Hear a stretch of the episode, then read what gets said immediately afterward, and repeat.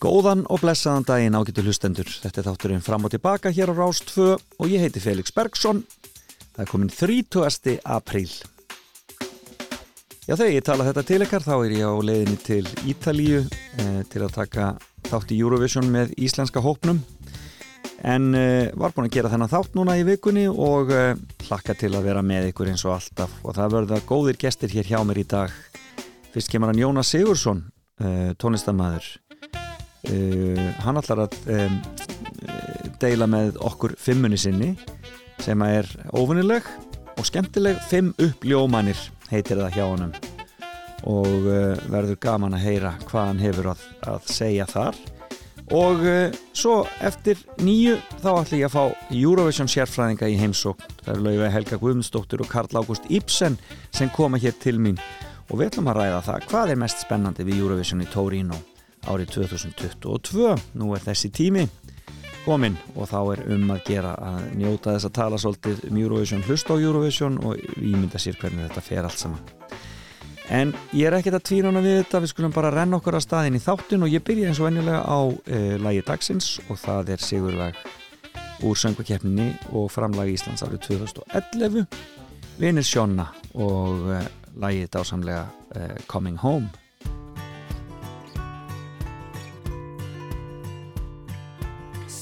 say I'm a bit of a fool. Sitting on a hill and counting raindrops. Keep thinking I just wanna go to the peaceful place I know that I call home. But oh, oh, oh, it's time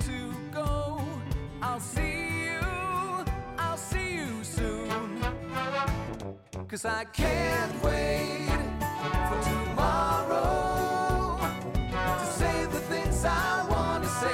Your smile will always lead my way. I can't wait, I'm coming soon. I just wanna see your face again. Some say I'm a bit of a fool. Driving down the road, I stop to listen. I hear your laughter in the trees, your whisper in the breeze. My love is you. But oh, oh, oh, it's time to go. I'll see you, I'll see you soon. Cause I can't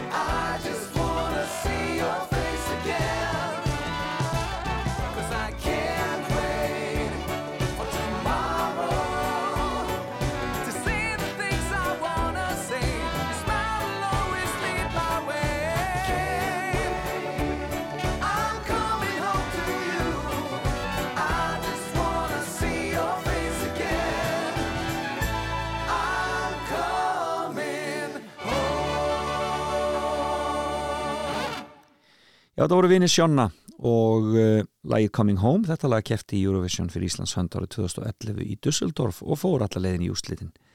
Gerði það bara mjög gott þar og uh, var flott framlag Íslands. Og þetta var skemmtileg Eurovision keppni þannig hjá þeim þjóðverjunum í Dusseldorf uh, ákala vel lukkuð og flott svið og flott að öllu staði þar hjá þeim. Og það verður spennandi að sjá hvernig þetta áttur að ganga hjá Ítölunum kemur í ljós fyrr en varir. En við ætlum að ræða um það allt saman hér eftir nýju fréttinnar með þeim Laufi Helgu og Karli Ágústi. En byrjum á fimmunni og uh, það er Jónas Sig sem er að koma sér fyrir. Byrjum á að hlusta á baráttu söng uppreitna klansins á skítadreifurunum og svo byrjum við Jónas að spjalla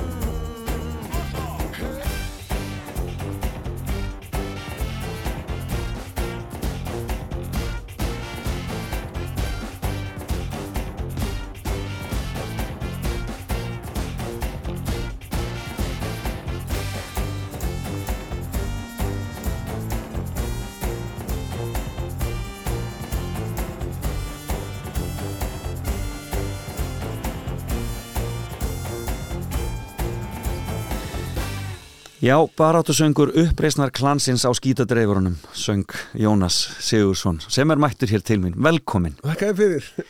Þessi baráttu söngur, hvar, ég, ég hef oft hugsað, hvar var þessi baráttu söngur til? Varstu sjálfur að vinna á skítadreifar eitthvað? Já, ég nefnilega sko, ég, þessi, þessi barðsöngu var til um, bara þarna, já, hann var til svona hann, hann er að þróast svona, hann svona rétt fyrir hrunið sko. Já, og, ok. hérna, og, og, svona, svona raungerði síðan í hruninu, mörgum fannst það, það vera raungerast en ég var svolítið, mér var svolítið hugleiki og það er kannski að því sem ég ætla að koma að á eftir. Já, að þessi, þessi söngur var svolítið baráttu söngur sko reyðra ungra manna. Einmitt. Sem að sko er kannski þú veist sem er ákveð svona og ég hef stundum upplega að margir hafa miskilið þetta lag og svona haldið þetta væri ég væri þú veist að segja förum út og, og brjóðum allt og brömlum og svona sko. Á meðan að þetta er svona pínu parodía á það sko. Þegar kannski þú veist þegar að svona gæjarnir fara út í spariskónum og, og, og brjóta rúðunar á McDonalds Já, svona, til að mótmæla alþjóðavæðingu eitthvað svona. já, og hérna að þú veist þetta getur orðið svolítið skrítið sko. Og þannig að svona klassis á skítadreifurunum ég man þetta var þannig að þessum tíma var mjög frækt sko frakkar franski bændu voru að fjölmenna í borginnar já, með skítadreifarana. Já, einmitt. Að mótmæla alþjóðavæðingu. Eins og þeir gera, já, já, akkurat. Þannig að það var þannig að það var svolítið svona uppsprettan að þessu lægi sko. Svona öflugt. Vinnur út frá töktum oft? Mjög mikið. Og ég man, þetta lag vann ég rosalega mikið út frá hérna að ég var mikið í lúðarsveit sem ungu maður. Já. og það mótaði mig mikið. Þó mér finnist það svolítið leiðilegt kannski fyrst sko að lúðarsveit það er bara svo hlut af tónlistarnáminu sko. Akkurat, en, svo, og svo, en það sem hafði mest áhrif á mig var að það voru alltaf svona landsmót það sem að lúðarsveitunar hittust og allir eruðu hellaðir. Fólk var að fá sér og svona. Og þá tók allir upp og þá var til svona rosa skrúðganga. Það sem enginn var að spila svona, þú veist að því að lúðuristur eru frekar agaðar svona Mhm. svolítið military. Mhm. Ringang, grrr, ringang du, du, du, du, skilur þau en þegar allir var mjög drugnir svona klukkan þrjú, fjögur um nótt þá komu lúðratnir á loft og þá allt var var bara, varstu vittlist bara. búin bara í svona New Orleans bara bara, og akkurat, þá, ég man, þá hlust var, upplýði ég svona em, em, ég ætla að tala um þetta, uppljómun. Já, ég fikk uppljómun, þetta verður þá sjötta uppljómunu ég bara, vá, þetta er geggja sound. Einmitt og þegar ég var að vinna þetta lag í stúdíó ég man alltaf eftir, þá fikk ég svona unga blásara Já. sem ég hafði aldrei unni með áður og þeir vissi ekkit hver ég var. Bara eitthvað Jónas sem hefði verið í sólstandagæðanum já, og, ég var eitthvað að útskýra sko, mér langar þetta soundi bara eins og lúðrastinn svanur á fyllir í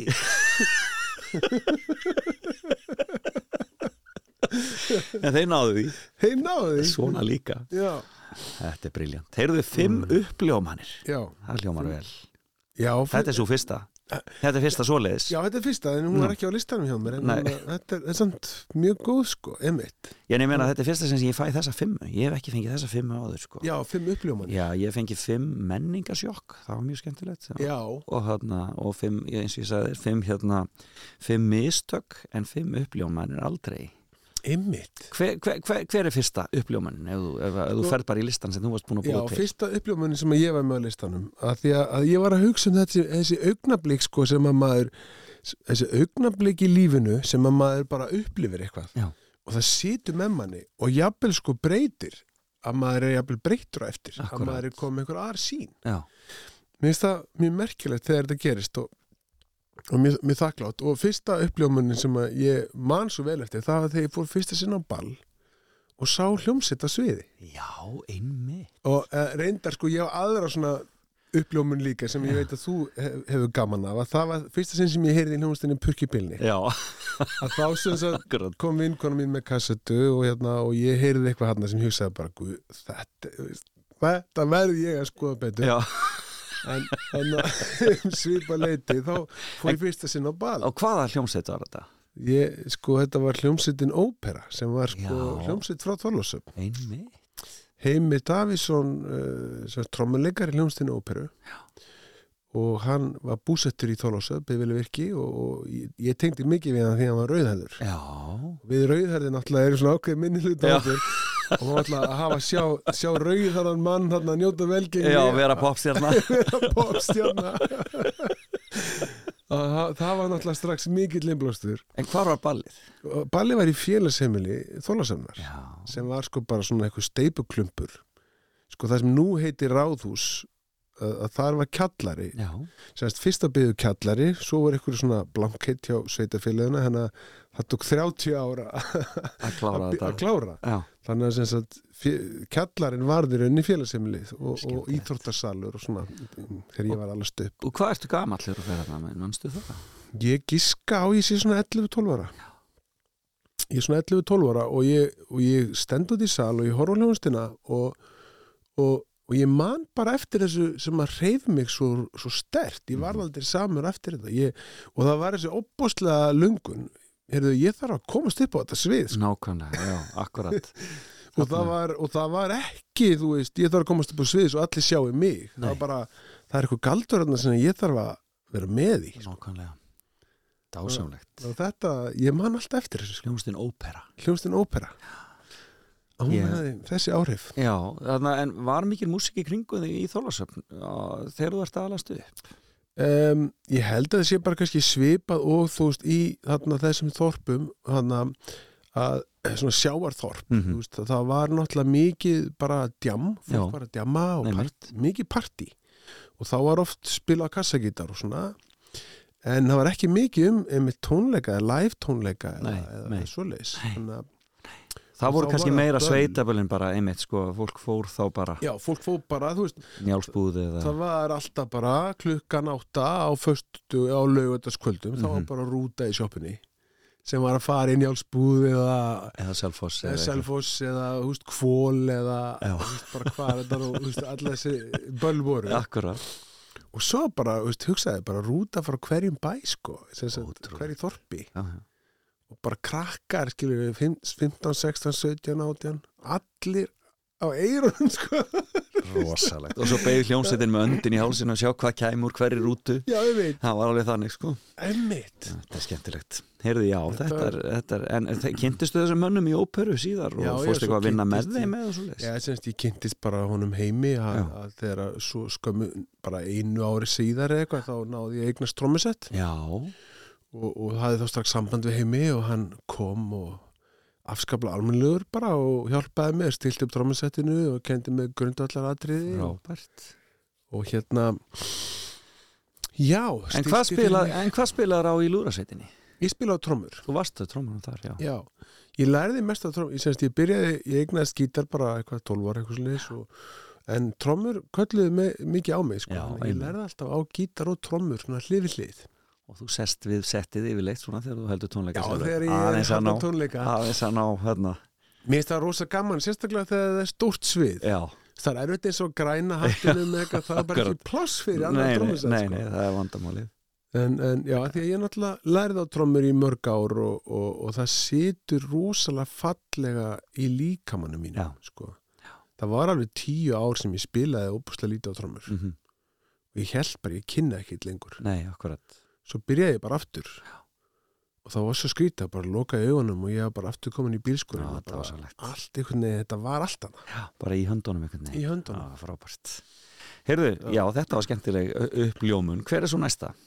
Já, næsta uppljómun, svona, það var svona annað Eureka moment sem að hérna, er gaman að rifja upp. Ég hef nú sagt einhvern tíma frá þessi viðtal áður en, en það var þannig sko, mér er svolítið skemmtilegt að því að þegar ég var hérna alast upp uh, þá var óbúslega svona stjættaskipting í tónlist sko, Já. og það var svona uh, þú náttúrulega mannst eftir sko já, og hins vegar svona listrænu hljómsettina sko Mhm. og ég taldi mig alltaf vera svona þó ég væri búin að alast upp í þessari balmenning og svona þá flokkaði ég mig alltaf svona meira sem svona, svona tónlistar mann sko, ég var búin að vera ykkur þungar hljónstum og punkljónstum og var að hlusta á purkpilnik og, og allt þetta skilur þeisar hana og sigumólana gríðilega aðdándi og þannig að sko þegar ég verð svona 15-16 sko þá, þá fer ég svona að temja mig svolítið þennan svona hróka sko, ég verður svo hrókafullur Mm. Og það er náttúrulega kannski bara svona einhvers konar luxus ungra manna. Ég er bara ungt fólk á bara að vera svolítið hrókafull. Það er. Það er bara þannig. Það veit betur. það veit betur og ég var gríðilega hrókafullur og alltaf þegar ég var að hlusta á útvarpið þá væri ég bara Jesus Christ bara eitthvað nýtt lag með þessum hljómsveitum stjórnin og enda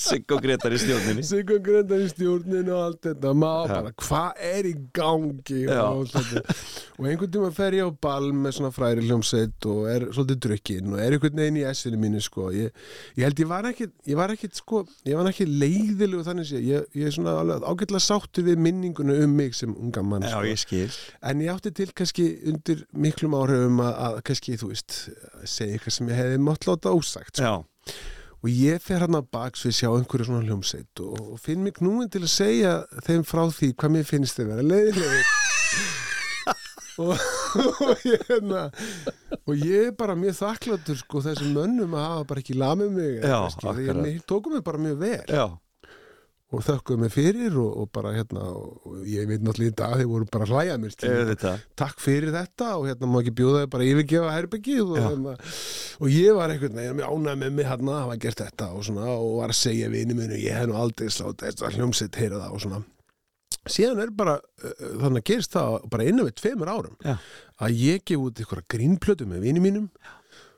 Þar er lagi rángu maður verður gríðalega vinsælt á FM 957 Já, og allt í að ég bara hættur í fristúsinu og komin í ballhljómsveit er að spila Húsavík. Já, á einhverju balli. Sitt niðri, kemur ykkur leðuklættur leðuklættur durkur niðurstegan, horfir á mig og segir mér finnst þið vera ógeðslega leiðilegur og ég, þetta, ég man þetta sem það gæst í já, gær. akkurat. Að ég Bara- sat einhvern veginn og hugsaði bara wow að, ég fekk bara og ég fattaði einhvern veginn strax sko. innsæði mitt sagði, Jónas, þetta, þú veist nú er þetta komið hringin, Já, karma. Karma. Já, dæmið eins og þér mun eigi dæmdi verða. Nákvæmlega. Og þarna var ég bara sko tvítur Já, að fá þessa leksju sem að ég nákvæmlega. þakkláttu fyrir sko. Nákvæmlega. En þetta var í alvörinni þetta var svona uppljómun að því að þú veist, ég man þetta svona vel. En hvaða hljómsveit var þetta sem þú varst að rauna yfir? þetta voru alltaf viniðin í greifunum. Nefna Að Þetta var alltaf því þú varst hægt Já, segðu Þá fóru þetta alveg. Þetta er það náttúrulega sko ljúflingandi sem þeir eru sko. Já. Þú veist, ég er náttúrulega hálf feimin að segja frá þessu. Já, en hérna, það er miklu ljúflingar þessi menn, bara frábæri menn og, hérna, og ég lærði af þessu. Já Það er gott, alltaf gott að læra. Já, Og svo gerist það á húsavík náttúrulega af öllum stöðum. Þú einmitt. fær, að þú fær leðuklæta görinn á þig. Já, einmitt. Já, það er enda, ég var ekki búin að tengja það. Nei, nei, þar hefur það. Það er bara hérna kosmísk kosmíska, kosmísk skilabóð, akkurat. Heyrðu, þetta er skemmtilega Þriðja upplifun, eða svona, já. Já, þriðja uppljómunin. Já, Já, þriðja uppljómunin er hérna nokkur márum setna þá hérna uh, sko þriðja uppljómunin sem er svolítið sko áhugavert að segja frá hún var Mhm. svona hérna hún var þannig að, svo hætti ég hérna í sólstæðagæðanum og, og fór í gegnum svona eitthvað tíðanbíla sem ég var að leita mikið að sjálfum mér og svona Já. og, og, og þarna er ég svona þrítugt já, og ég var bara þú veist bara eins og margir held ég veist, og sérstaklega líka fólk í dag og svona, maður er bara ungur og maður einhvern veginn, þú veist finnur sig kannski ekki. Ég, ég lent svolítið því, sko, ég fann mig ekki. Ég var búin að reyna að fara á sem margar leiðir og, og ég fann mig ekki og það var óbáslegur óróleiki innra með mér sko, sem var þú veist, sem bara þessi óþreyja bara, Já, já. lífið mitt er ekki nógu gott, það er ekki nógu gott og það er að renna í burtu og... það er að renna frá mér, nú er ég ánum þrítugur og ég er ekki, ég þarf að gefa plötuna og, og þessi plata, alltaf einhvern veginn eh, hún er skuffi hjá mér sem ég langaði dreymdi um að gefa út sóloplata, Já, Jónas Sigursson þorði ekki að gera það og allt, allt þetta. Og, hana, og svo fer ég að leita svona andlega og ég fer að vera eh, stunda mjög svona andlega leit og ég Mhm. kynnist hugmyndum ég kynnist til dæmis hugleyslu og, og, og, og bæn. Og ég, ég semst, fyrst fremst var það, var það hugleyslan bara þetta að, að ég kynntist og ég, fyrst fór ég að nanda marga eitthvað aðeins og svo fór ég og ég hef aldrei sko haft yrði mér til þess að sko aðhyllast eitthvað eitt. Ég er bara rosa mikið fyrir það að bara fara á milli og, Já, og já. finna. En svo kynntist ég einhver tólspóra starfi sem er svona mjög opið starf sko, allavega og ég, og ég byrjaði að hugleiða og, og hérna og byrjaði að stunda hugleyslu og stundum talaði um í þessari vinnum að það er svona bara fake it till you make it. Mm og ég hugleiti tvisar á dag svona í 20 myndur í, í nokkra mánuði og, og var að stunda svona það að fara eitthvað nýr á hnén og, og að búa með til ykkur hugmyndum aðri mátt og svona. Og, og allt í nú semst, átti ég rosalega sterka uppljómun þegar ég var að labba í vinnuna einn Mhm. daginn. Og ég labba alltaf genið skó í bjói Danmarku og Já, einmitt. labbaði óbáslega skemmtilega óbáslega skemmtilega leið í vinnuna á hverjum degi, genið skó nema ég tók náttúrulega aldrei eftir því ég var alltaf að hugsa svo mikið Já, sko, um bara lífið og allt Já, já, hvað, ég, ná, ég var ekki búin að gefa út plötuna hvað, ég er að vera drítur Nefnum allt í bara, og þetta er svolítið skrítið sko að segja frá þessu, að þetta er svona lífsinsla sem er erfitt að útskjær fyrir fólki, en þeir sem hafa upplifað þetta skilja, að allt í einu þá bara verðum við liti á tré og ég bara, ég sá það, ég sá, ég segi stundum sko, ég var að labba í skóinum og ég sá tré. Já, akkurat og ég var bara svona stoppaði og ég mani þetta svo gestaði í gær sko, ég stoppaði bara, ha, og ég fór að skoða þetta tré.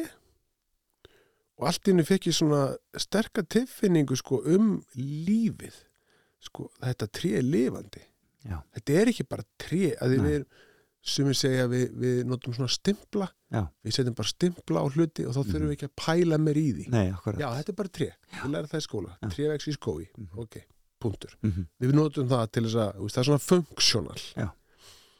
en jú, jú, svo einhverstaðan einstinni vitum við að það vex þannig að hlýtur að vera lifandi. Skilur en það er ekki kannski fyrsta. Þannig að allt í einu fekk ég svona óbúslega sterka tilfinningu sko, tréð er lifandi. Þetta er lifandi vera. Og ekki nómið það að þetta er þetta vitsmun að vera þú veist. Hún, re- þú veist, hún er tengd hinum tránum í ykkur systemi sko. Og og þú veist, það koma lauf. Og ég bara þylja núna eitthvað sem allir vita. Já, en allt í henni fekk ég bara eitthvað svona wow, og ég var ekki búin að vera að neitt eitthvað hefna, þú veist. En hérna, ég fekk svona algjöra uppljómun sem að hefur alltaf sittið með mér. Og ég tengja við þessa hugleysli eitthvað svona, Já, sem er svona þessi uppljómun sko að, að lífið er, þú veist, ég er inn í heimi sem er algjörlega lifandi. Nákvæmlega og maður gleymir því svo ofta því maður er svo mikið bara í sínum eigin helli sko. Og maður sé hluti af einhverju ég hluti og líf og það eðar allt sko.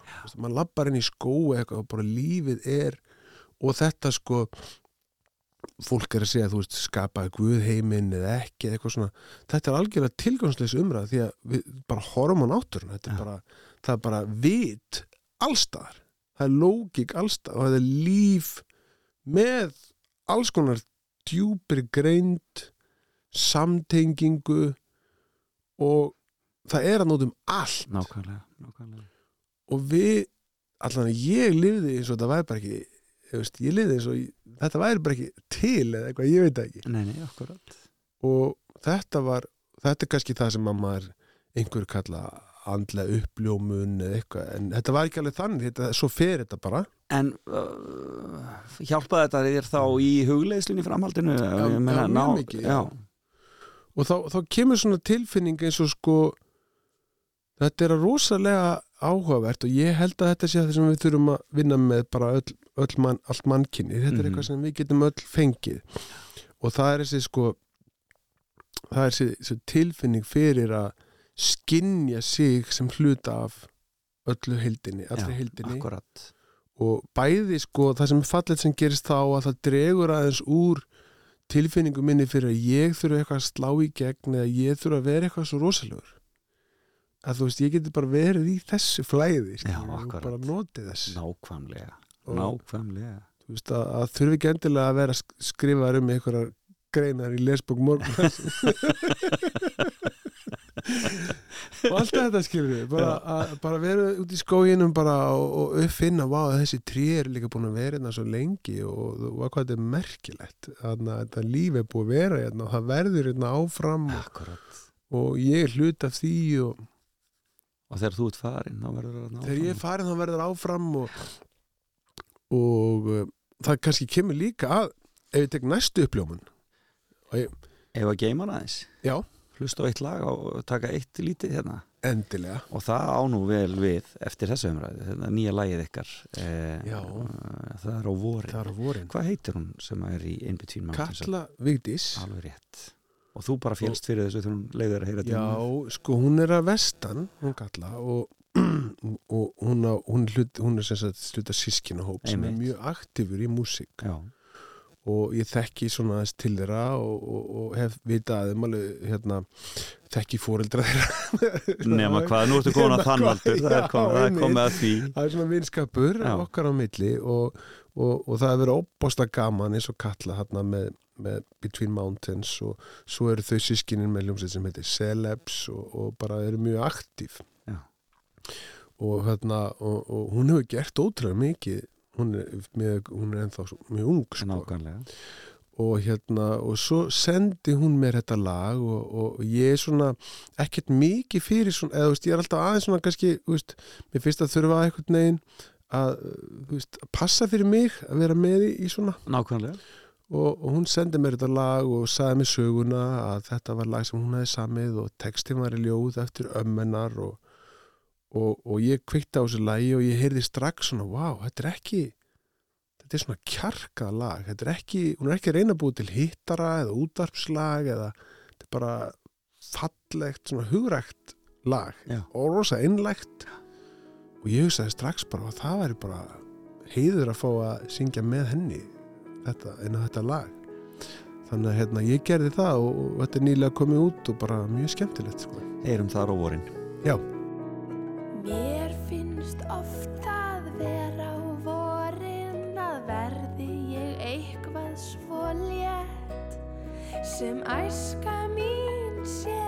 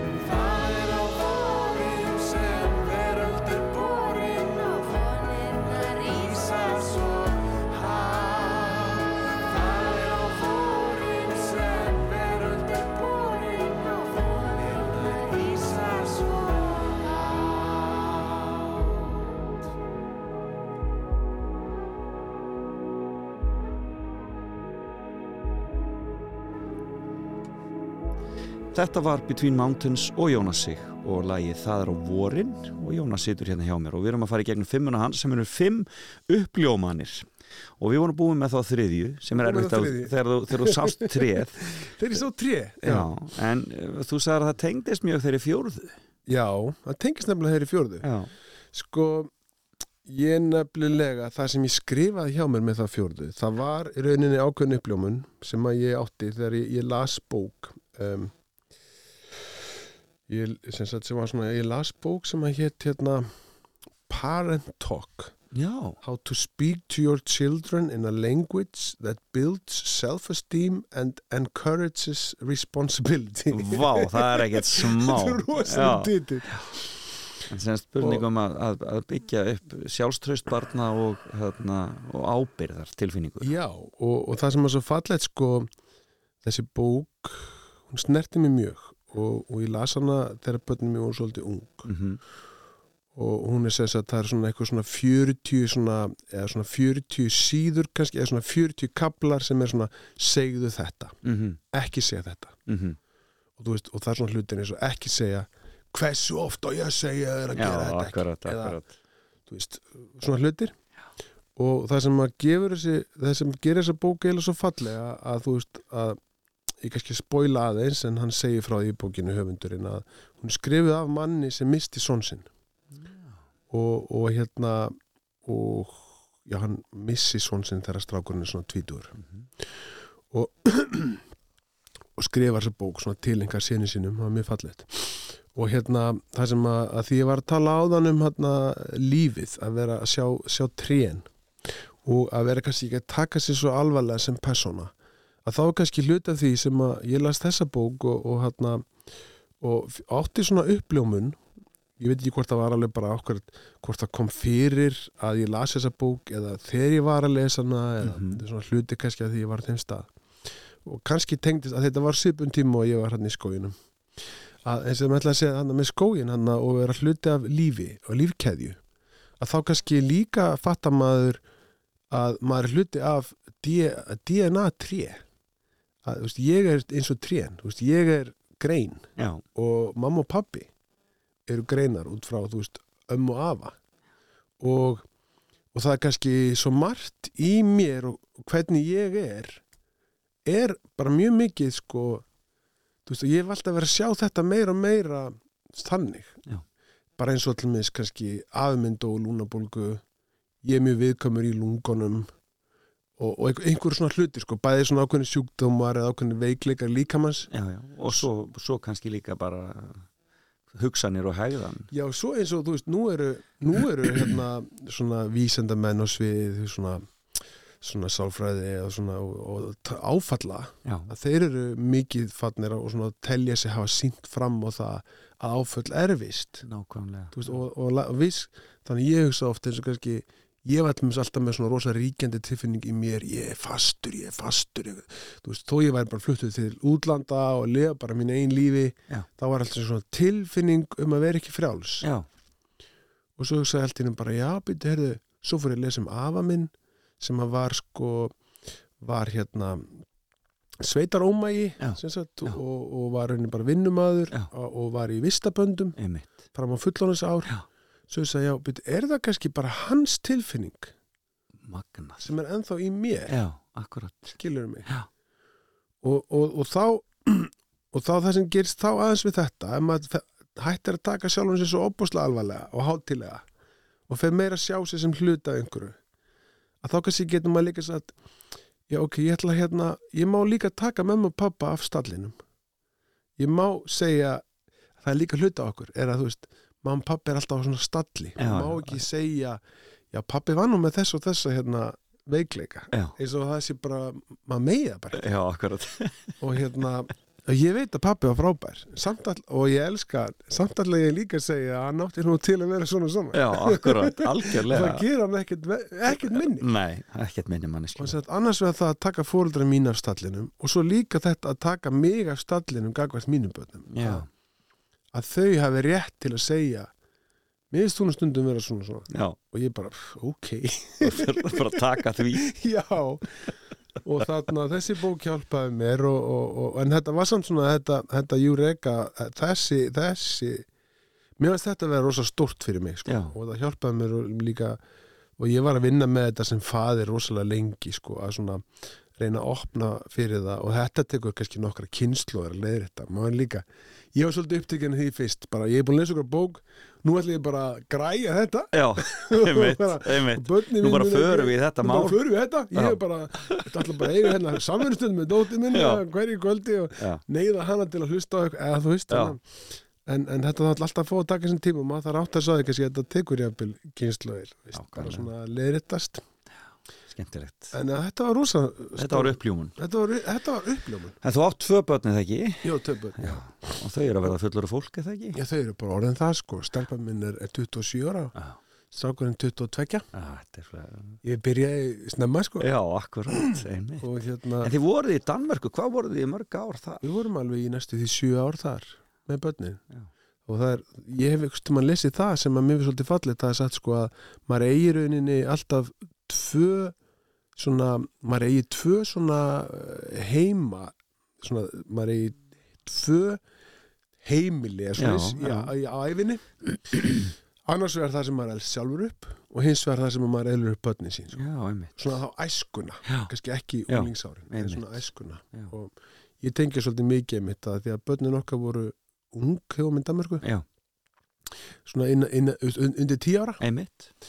Og hann að ég við erum með rosalega sterkar tilfinningar öll fjölskyldan mitt Til Danmörku og heldur að þau eigi eftir að leita jafnvel? ég er alltaf vonast til þess að þau fari í námið eitthvað til Danmarku svo maður getur fann að hafa ástæði til að fara og vera þar og svona sko. Já, krakkar hlustiði, pappi er að tala. Já, hint, hint. Hint, hint, akkurat. Þannig að veit ég hvort þau nennar hlust á þetta. Já, já, það kemur í ljós Það kemur í ljós. Heyrðu, síðasta uppljómunin. Já, síðast uppljóminin um, Svona svo fynda í þessu, á þessum já, skemmtilega býtu, lista og ég var náttúrulega með þarna einmitt, varst já, með Parent Talk hana. Já, ég er með að tók hérna mm,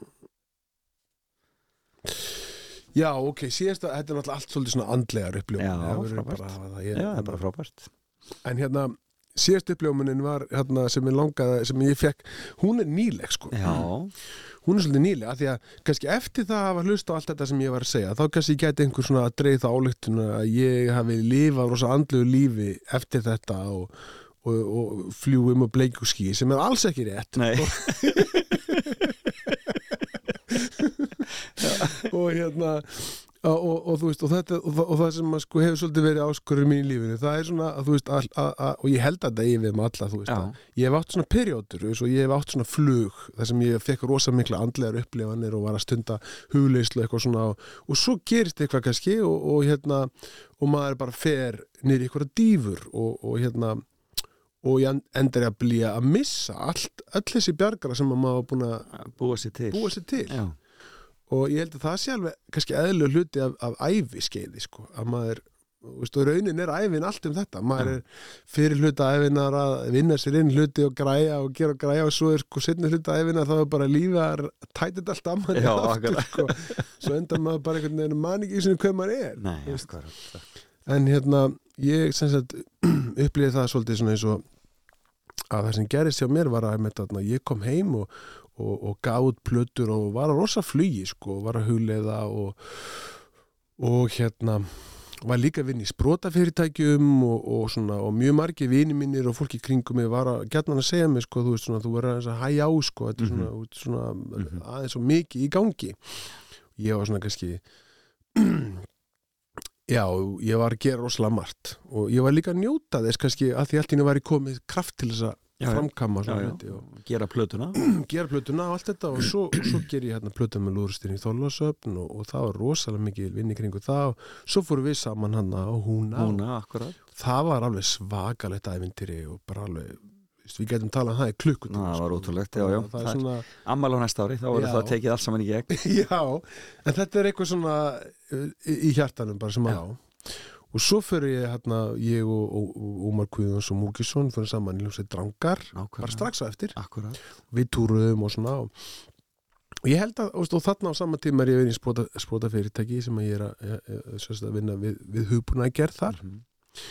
og, og, og einhvern tíman um, um þetta leiti þá, þá, þá upplýði ég fyrst sinn held ég svona sko, það sem er svona bara eins og burnout sko. Já, bara að ganga of langt ég bara geng á langt sko og, og, og þá gerist þetta sko sem að veist, ég fyrir bara að falla bara, ég fyrir ekki heimsón hjá vinum og ég bara sopna og, og þú veist að bara orkan er farin og, og, og hérna og einhvern veginn næmir ekki og ég er alltaf með þessa áfergi sko, nú er bara að byrja þær í bootcamp og crossfit og Já. byrja alltaf byrja í crossfit og eld eftir alla tíma og veist, veginn skilur alltaf þessi áfergja sko. Já, líka kannski að því að ég kunni ekki að vera góðu við mig skilur kunni ekki að veist, bara að hugsa fallega um mig og, og svona og vel og, og setja sjálf með mörg og, og þá og þá kannski tók við svona nokkra ára tíðanbíl þar sem að ég festist rosa mikið í svona að græja bara, ég ætlaði bara að græja og og hérna var það alveg óbúslega þreyttur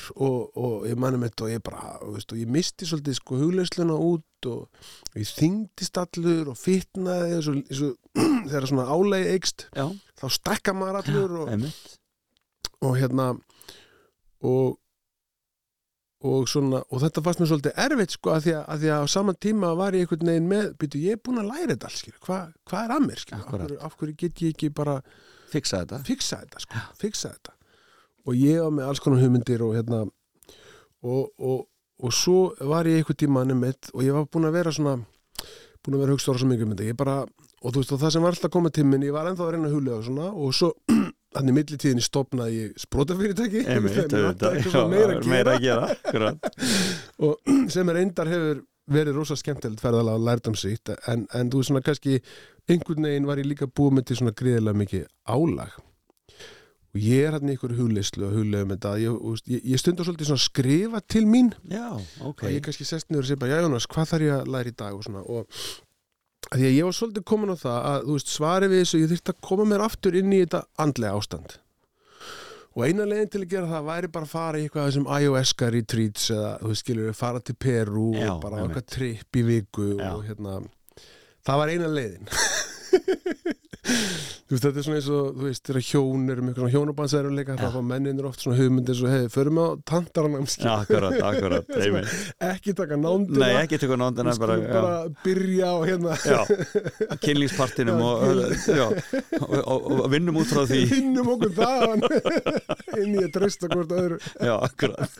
Einmitt og það er svolítið þannig sko ég var svolítið komin að stað með þetta. Ætlaði bara að fara að fara eitthvað svona ayahuasca ævindir og, Já. og ég er ekkert að segja neitt um það fólk gerir bara það sem það vil ég sé, en, en þarna fekk ég svona uppljómun í þessu ferli það sem ég fekk bara svona uppljómun allt í hennu það var bara svona rödd, mjög sterk rödd sem kom til minn og einhvern veginn og veit ekki hvaðan hún kom en Já. sem var svona bara, Jónas, þú ert núna í efnisheiminum og hlutverk þitt í efnisheiminum er að díla við efnislega hluti Mhm.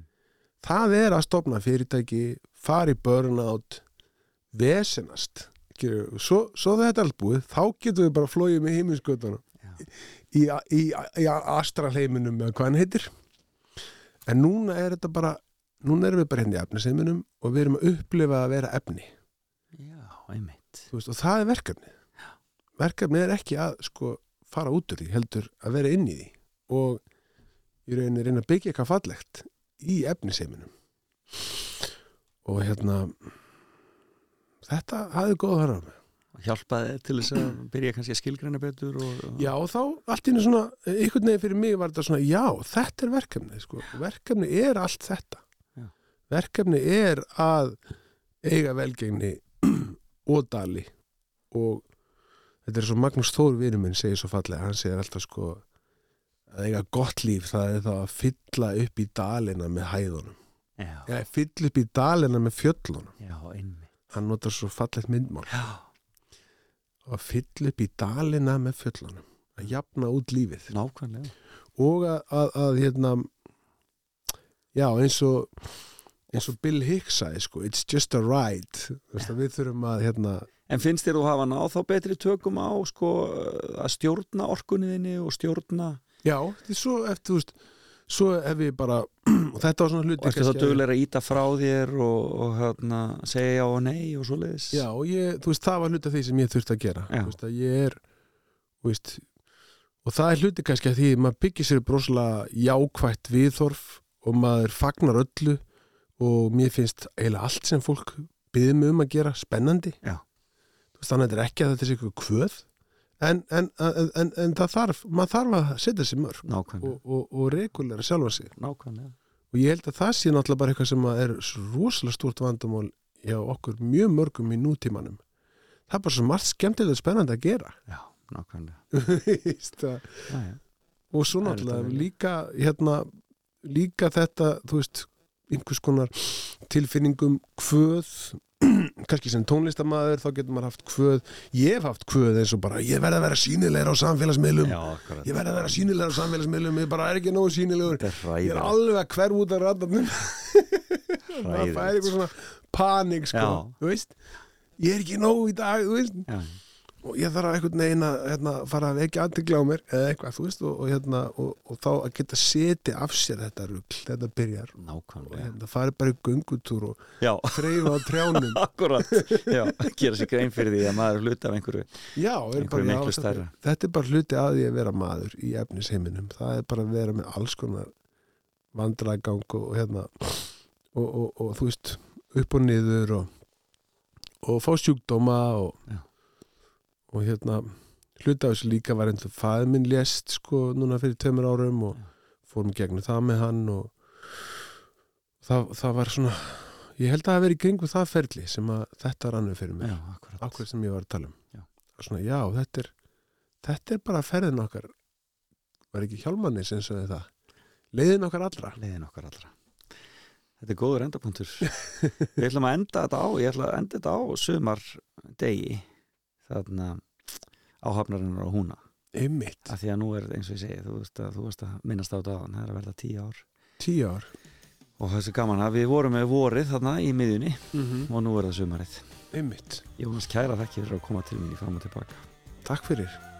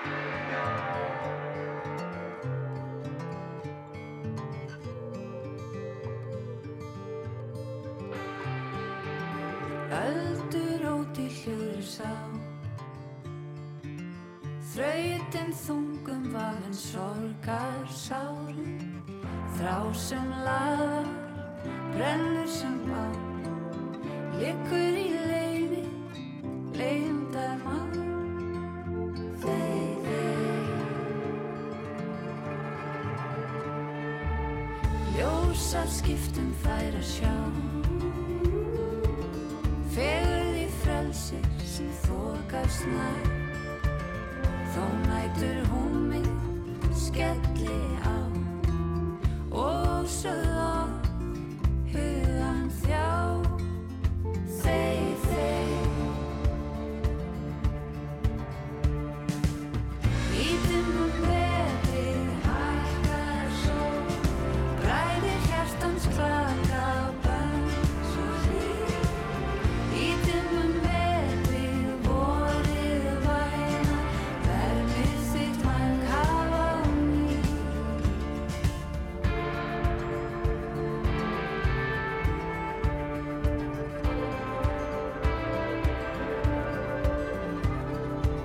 Skamdegir skuggar sækja að.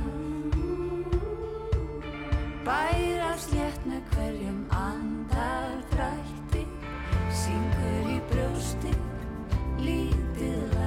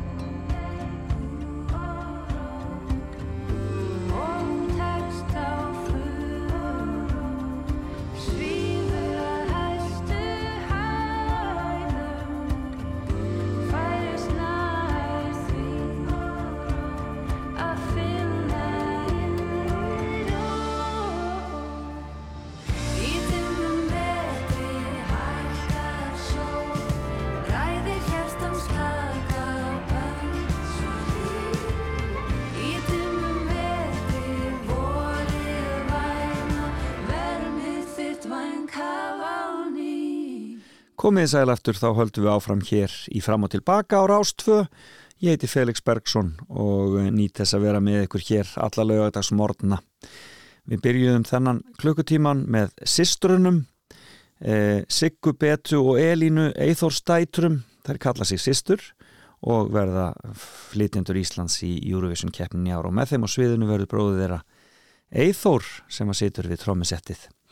E, og e, þetta svona gefur aðeins tónin fyrir það sem við ætlum að byrja að tala um hér e, í ná næstu mínútum.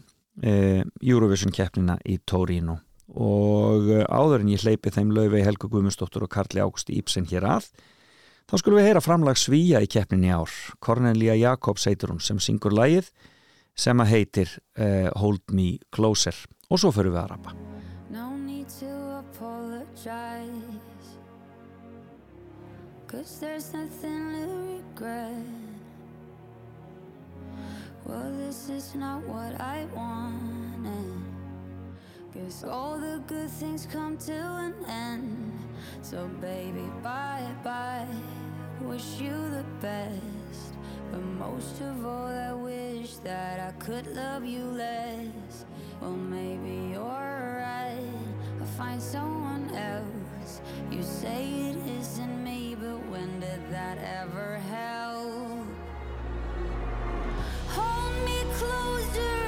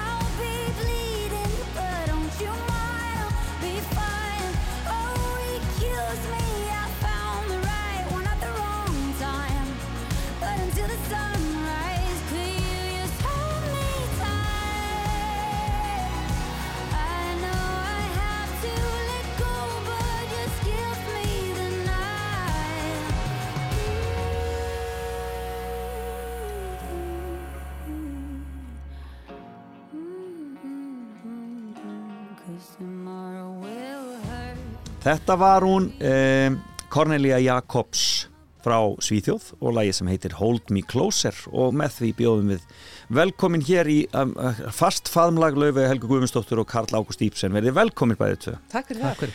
E, þetta er nú lag sem að sumir telja gæti verið þinn óvænti sigurvegar í Eurovision í ár.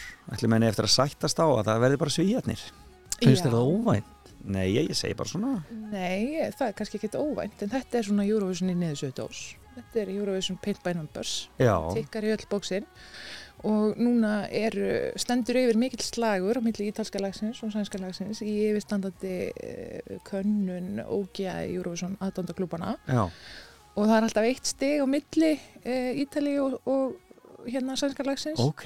og ræða sér alltaf í fyrst og annars sæti og svolítið alltaf eitt stig á milli og svo bara eftir því sem að klúbarnir tilkynna um sína niðurstöður Þá breytist þetta. Svisast þetta Já. En eru Úkræn ekki þar inni sem sagt? Jú, en þarna eru ógæði klúbarnir að kjósa sitt eftirlætislag. Auðvitað, já.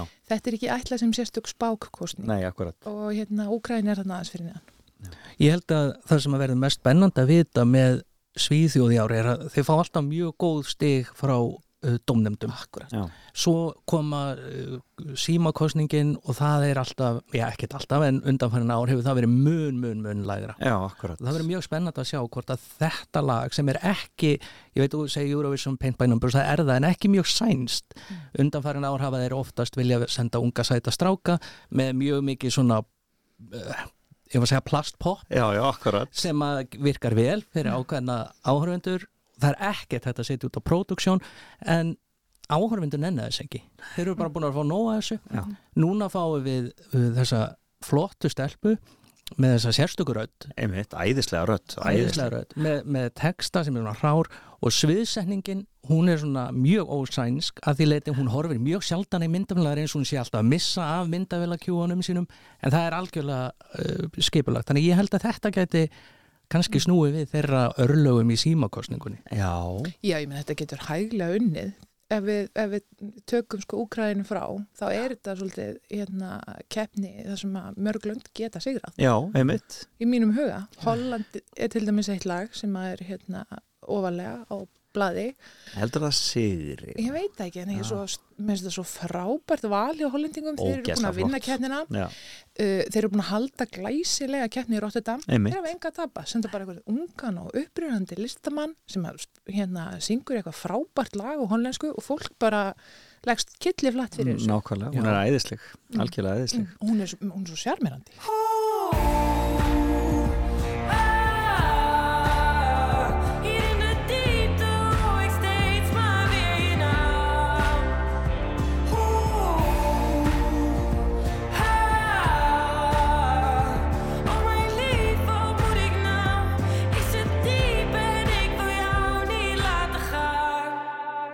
En nú ætlum ég að spyrja ykkur bara, það sem ég hérna, ætlaði að, að spyrja ykkur upprunalega. Hvað er mest spennandi við Tórino 2022? Já, í fyrsta lagi að það verði Júrusson. Já, Það var ekkit Júrusson 2020 og í öðru lagi að við megum fara til Ítalíu og horfa Júrusson. Af því að það mátti ekki fyrir að.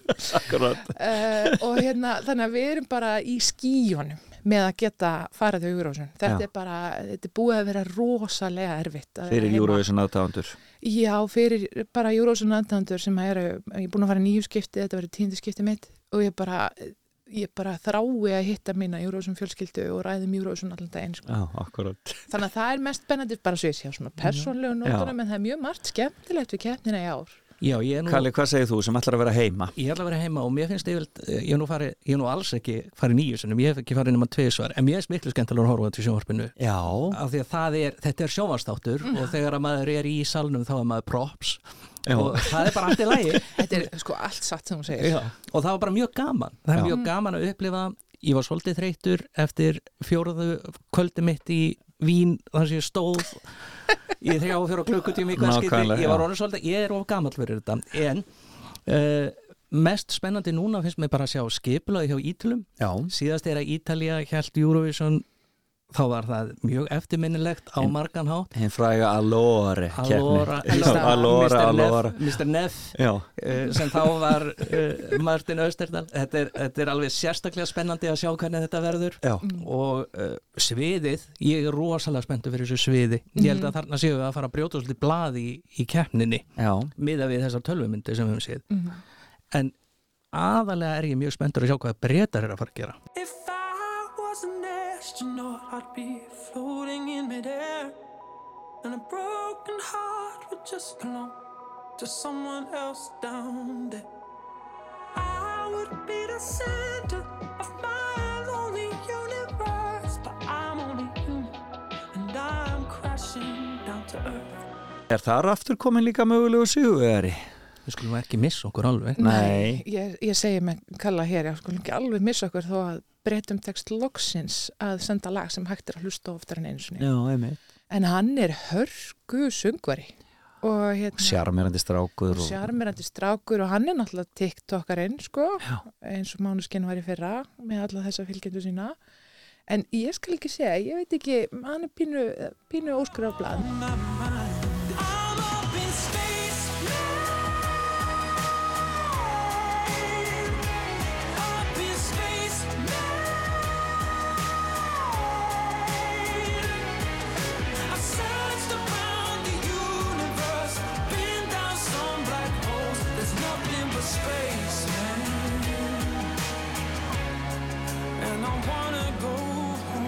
En öll stóru löndin fimm uh, eru að senda frábær lög í keppninu ár og hérna Öll fimm?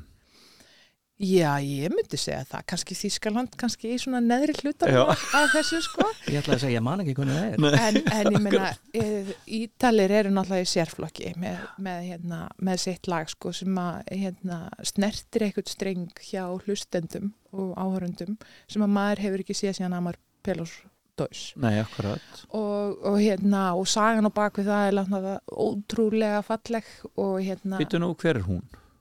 Uh, þetta lag fjallar sem sagt um ástasamband tveggja kallmanna uh, forbúðin ást Já, þeir eru samt sko, þeir eru, en er ekki sko, sko Mamút er, er hommi, en hinn er það ekki. Nei, en, en þeir eru samt að syngja ástar Þeir eru að syngja hvort, hvort til annars, já, ok. það er alveg hægt á sviði, já, Felix. já, já, það er hægt, já, já og, já, og hérna En ég, sko, í myndbandun er eins og hinn sé, sko, Bla- Blanko sé að syngja um eitthvað annað, sé í einhverjum öðrum stað, sko. Hann er að hætta með hinn. Já, Já, það er og, svo og svo, svo svífa þeir á demantsjólunum sko, upp, í, upp í game Já. Það er verður bara eitthvað starf í hinningólum Já. en það er a- annað mál. En hérna, en sko við munum það að þegar Mammut kefti síðast 2019 og þá var hann á, brjóta ákveði glerþag þarna með þáttöku sinni við þetta hálfur Egipti Einmitt. og þið munið að það var stjórnmálmenn í Ítali voru nú ekki al, alls kost að sáttir við þetta. Já, einhverju sem mótmæltu bara hreinlega. Akkurat, og núna eru menn að tala um uh, Brividi, ítalska framlæði ár í þessu samingi af því að Ítali er eitt þeirra landa sem skorar mjög lágt og ylgar ebbokortinu uh, 33% stegjumar rétt, það er ekki óheimilt samkvæmt ítalskum lögum hreinlega mismun og grundvöldi kynheðar og hjónabend samkynheðar eru ekki leiðir. En ef þú ert með lag sem þú ert með á stærsta sviðinu í Eurovision, þeir unnu San Remo hann ekki, að- eru þeir ekki að fara að brjóta þetta glerþak í ítalsku samfélagi? áhugavert og hérna, og margir jafnvel sem tala um að þetta verði fyrsta sinn síðan hérna í 30 ár sem Já, að- 94. sem, Já, akkurat, það sem að geskjafin gæti unnið Af- og það er talsvert mikla líkur á því og það verður einmitt eins og þú talar um Mm. mjög spennandi að sjá hvort að uh, hommaduett Já, vinnur Eurovision. Já. er mjög áhugavert. Getur það gerst?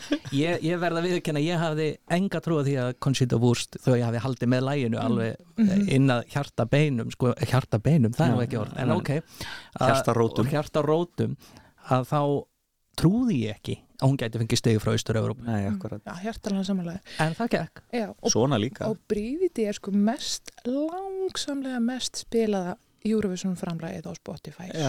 78 miljónir spilana eitthvað, ég bara viðkynni fúslega minn ráðlega dagskemtur er svona einhvers þar á milli 30-35 skipti. Já, akkurat, þannig að þú átt eitthvað að þessu. Já, Þú átt eitthvað að þessu. En, En, Kalli, hvað að með, tungumáli geti mm. skemmt fyrir flægt fyrir. En Já. hvað með önnur, hvað með önnur lög hérna sem að Já, ég er mjög spenntur einmitt fyrir þessu, uh, fyrir Ítalíu, fyrir uh, Úkrænu af ákveðnum ástæðum. Ég ætla, ég ætla að lega mér að segja það að þó að já, við, í Úkrænu er spáð sigur í ára mjög mörgum út af aðstæðum Mhm. en þrátt fyrir aðstæður þá væri þetta lag örugli í topp 5 Já.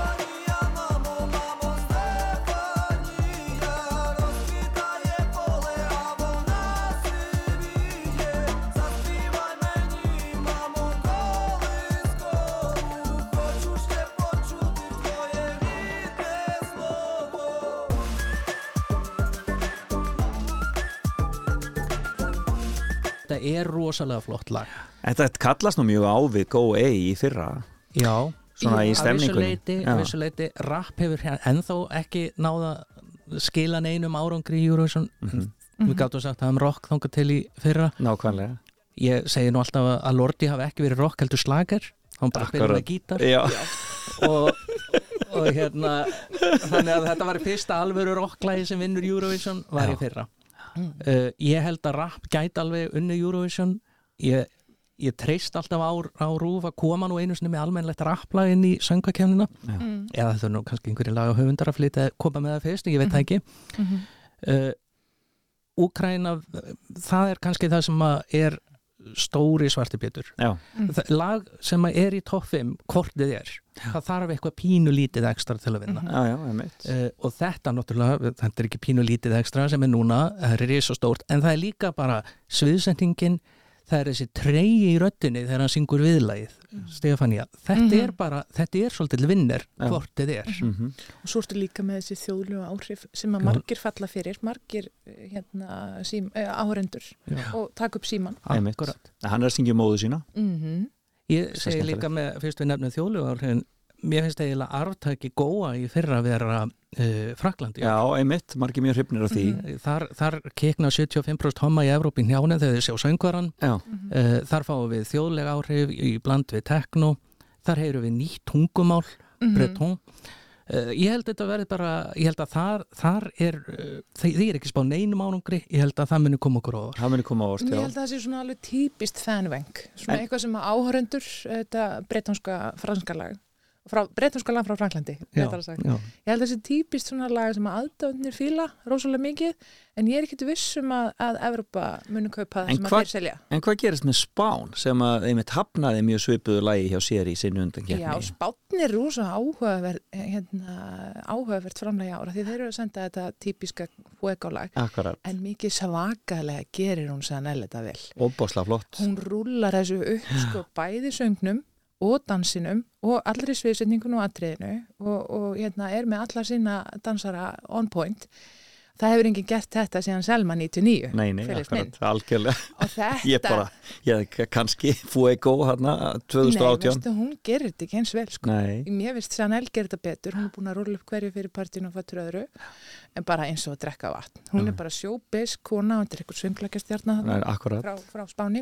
Ég frá Kúpu upprunalega held ég Já, ymmit, frá kúpunu, gert fyrir sinni Spáni. En þetta sem þú varst að segja mér áðan áður en við byrjum að spjalla um Moldófu Já. þar, er nú, þar blása nú vindar og þar, þar gætu nú, þeir gætu nú bara hreinlega verið komnir eh, Mhm. á, á uh, stríðsbarmin Já, þegar kemur að keppninni já.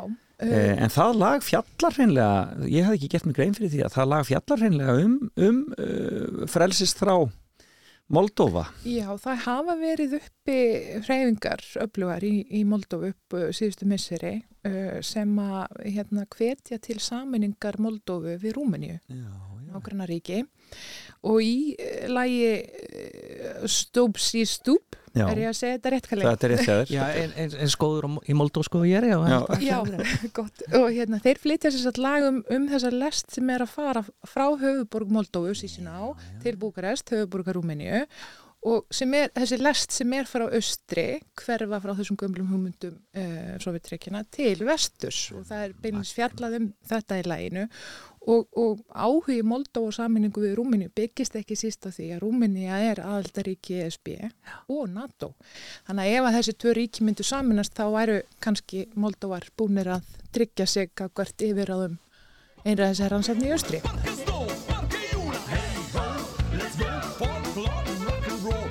Și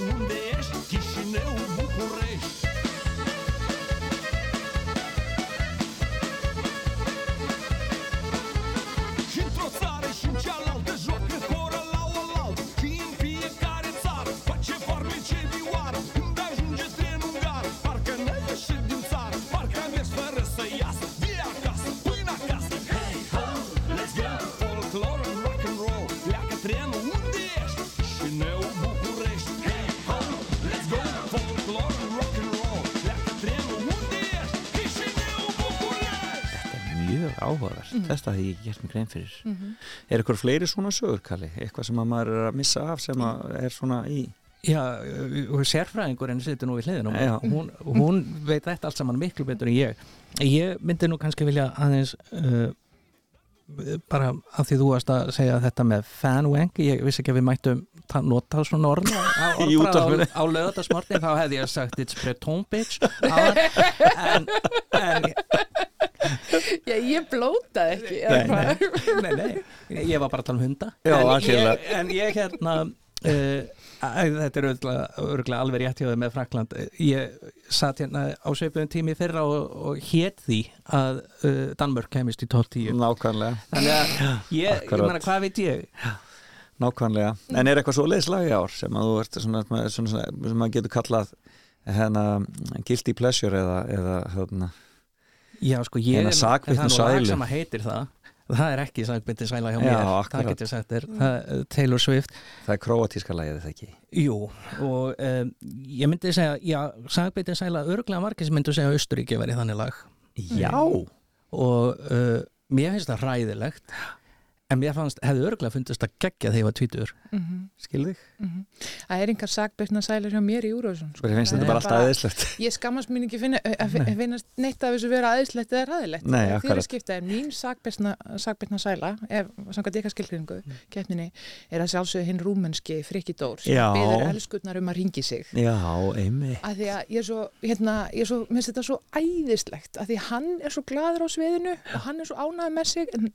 er svo, er svo svo er svo er svo það er á mörkunum hann getur sungið, það er mörkunum hann getur dansað. Og þetta lag er náttúrulega ekki upp á mikla, mikla marga fiska Nei, en mikið svakala skemmtir hann sér. Það Og er bara- gaman, og dáist að því. Og það munar rosa miklu. bara er þetta lag öðru sátti hjá mér. Ég Það er Já, bara svo gegja, ég er alveg sammála því. Já. uh, mér finnst svona, ég held að lag sem að margir sofa á eins, eins og sagt er, Mm. það er Tjekkland Mm. uh, það eru ekki mörg það er mjög svona flott teknolag eða poplag Mhm. sem að ég gæti verið í spilum hér á Rástfö Svolítið anda daðafreis um, já, já, svona í áttina já, svona, kannski. svona, svona uh, syntadrifið já, Mhm. kannski Mhm. en það sem að kannski ég er mest hissa á í keppnin í heilsinni núna er uh, bara hvar eru stóru sleggjurnar Já, það er engin menna, ég held að það yrði kannski einhver áhrif frá Mónuskinn, Duncan Lawrence Hatara, Daða að það kæmu þarna lög sem að þyrðu að vera svolítið svona átt þér já, hvar eru þessi lög? Mhm. Já, menn er kannski svolítið að spila þetta örugt Já, Þú það vinnur ekki í Júrus Nei, það við vitum það. En mánaskinn áhrifin er kannski ekki sístu að nú erum við með rosalega margar hljónsveitir í já, einmitt Tíu, ef ég tel þetta rétt, af 40 atriðum Já, sem er óvinnlegt. Við höfum Akkurat. svolítið að vinna með og Nákvæmlega. dúetta og eitthvað slíkt, sko. Og, og hérna, en mér finnst Serbi að vera líka svo áhugavert. það eru margir sem eru þar, já. Og hérna, þetta er fyrsta sem við heyrum latinu í Eurovision. En í skemmtilegt. þessari sögu og hérna, og sagan á bakvið lægin alltaf svo skemmtilega því hún er bara að þóa sér hendurnar þannig í þrjálf mínútur á sviðinu og það má ekki vera með vatn og ég er spennt að vita hvernig það ætla að lesa það. Já, það má ekki vera með vatn á sviðinu. vera vatn og það má ekki fljúa öllu eins og varst að tala um að það ætlaði að fljúa Hva? segðu sko. En, en lægið hennar fælst sagt, það er átilega því að sko maður þarf að vera dulur og þó sem hendurnar ef maður er serfnesku listamæður því að þeir eru ekki sjúkratriðir í hennum almennu sjúkratringum Þetta snýst um það, já, en skemmtilegt zdrava, biti zdrava,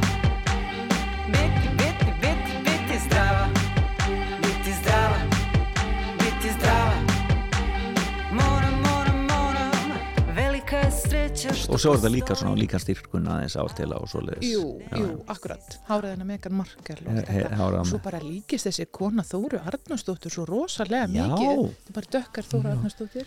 Heyrðu, það er greinilega ímsa higgja tíminn flógin frá okkur, við endum þetta breyfið tí að því að það, svo, þarna, við setjum eitt, eitt spot, Spotify, eina Spotify hlustinni viðbót á það, en hérna þakk ykkur innilega fyrir komuna og það verður gaman að sjá hvernig þetta fer allt saman í Tórinu mm Tack, Tack så. Ho sognato di volare con te su una bici di diamanti. Mi hai detto sei cambiato, non vedo più la luce nei tuoi occhi. La tua paura cos'è? Un mare dove non tocchi mai, anche se il senso non è la via di fuga dal fondo. Dai, non scappare da qui, non lasciarmi così. Nudo con i brividi A volte non si esprimermi. E ti vorrei amare ma sbaglio sempre. E ti vorrei rubare un cielo di pelle E pagherai per andar via. Accetterai anche una bugia. E ti vorrei amare ma sbaglio sempre. E mi vengono i brividi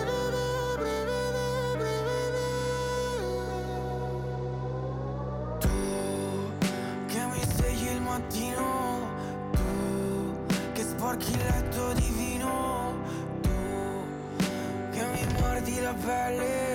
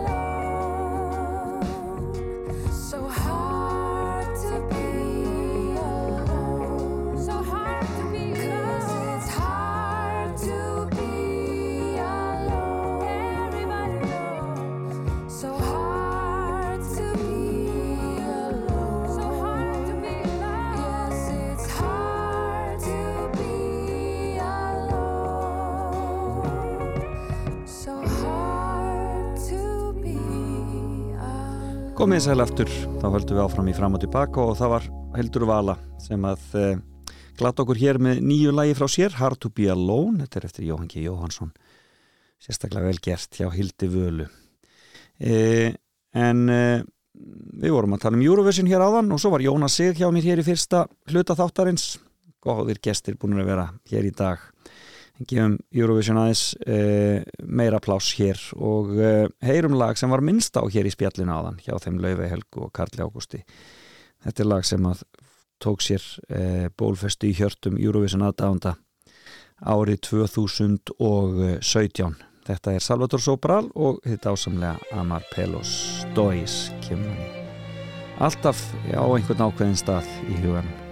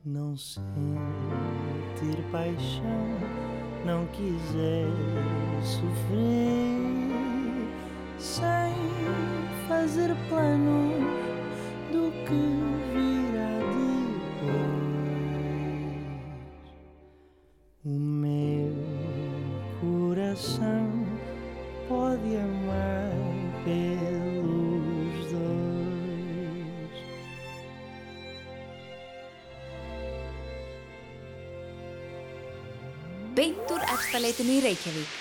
Fram og tilbaka á Rástfö.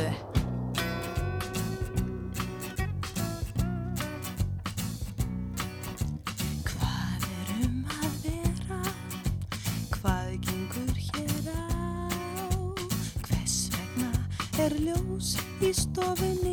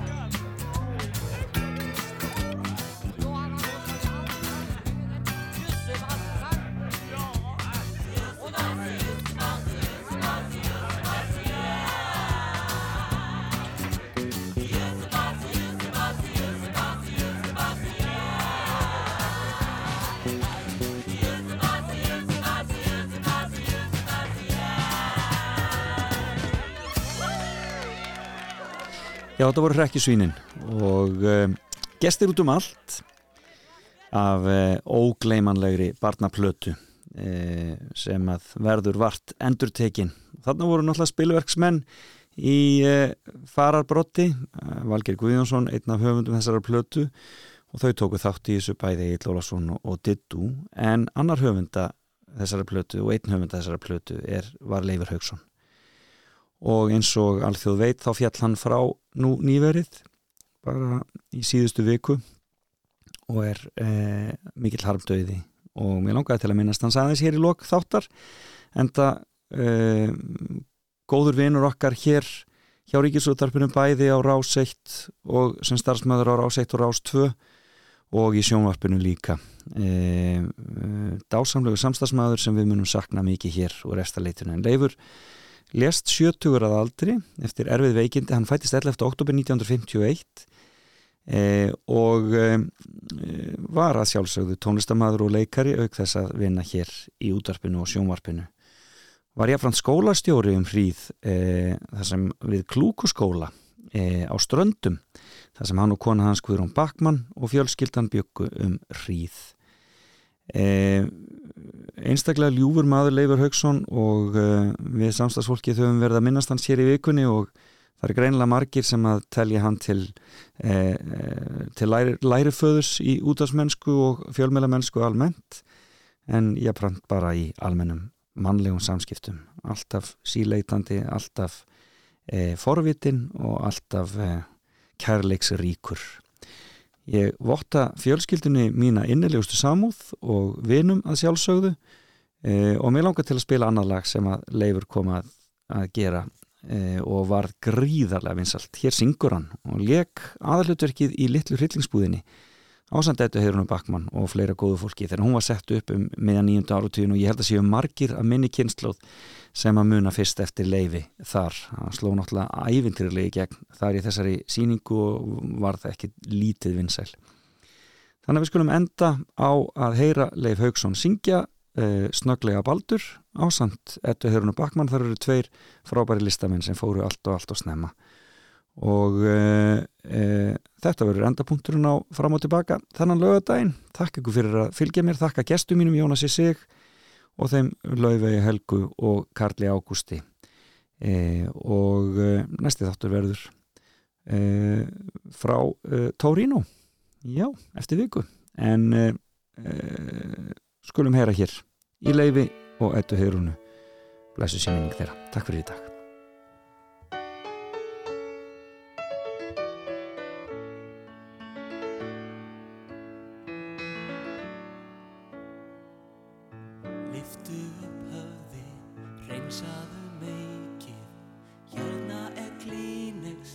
strjúktu það burt. Láð mér að sjá, svipinn þinn reyna Sannlega rindi,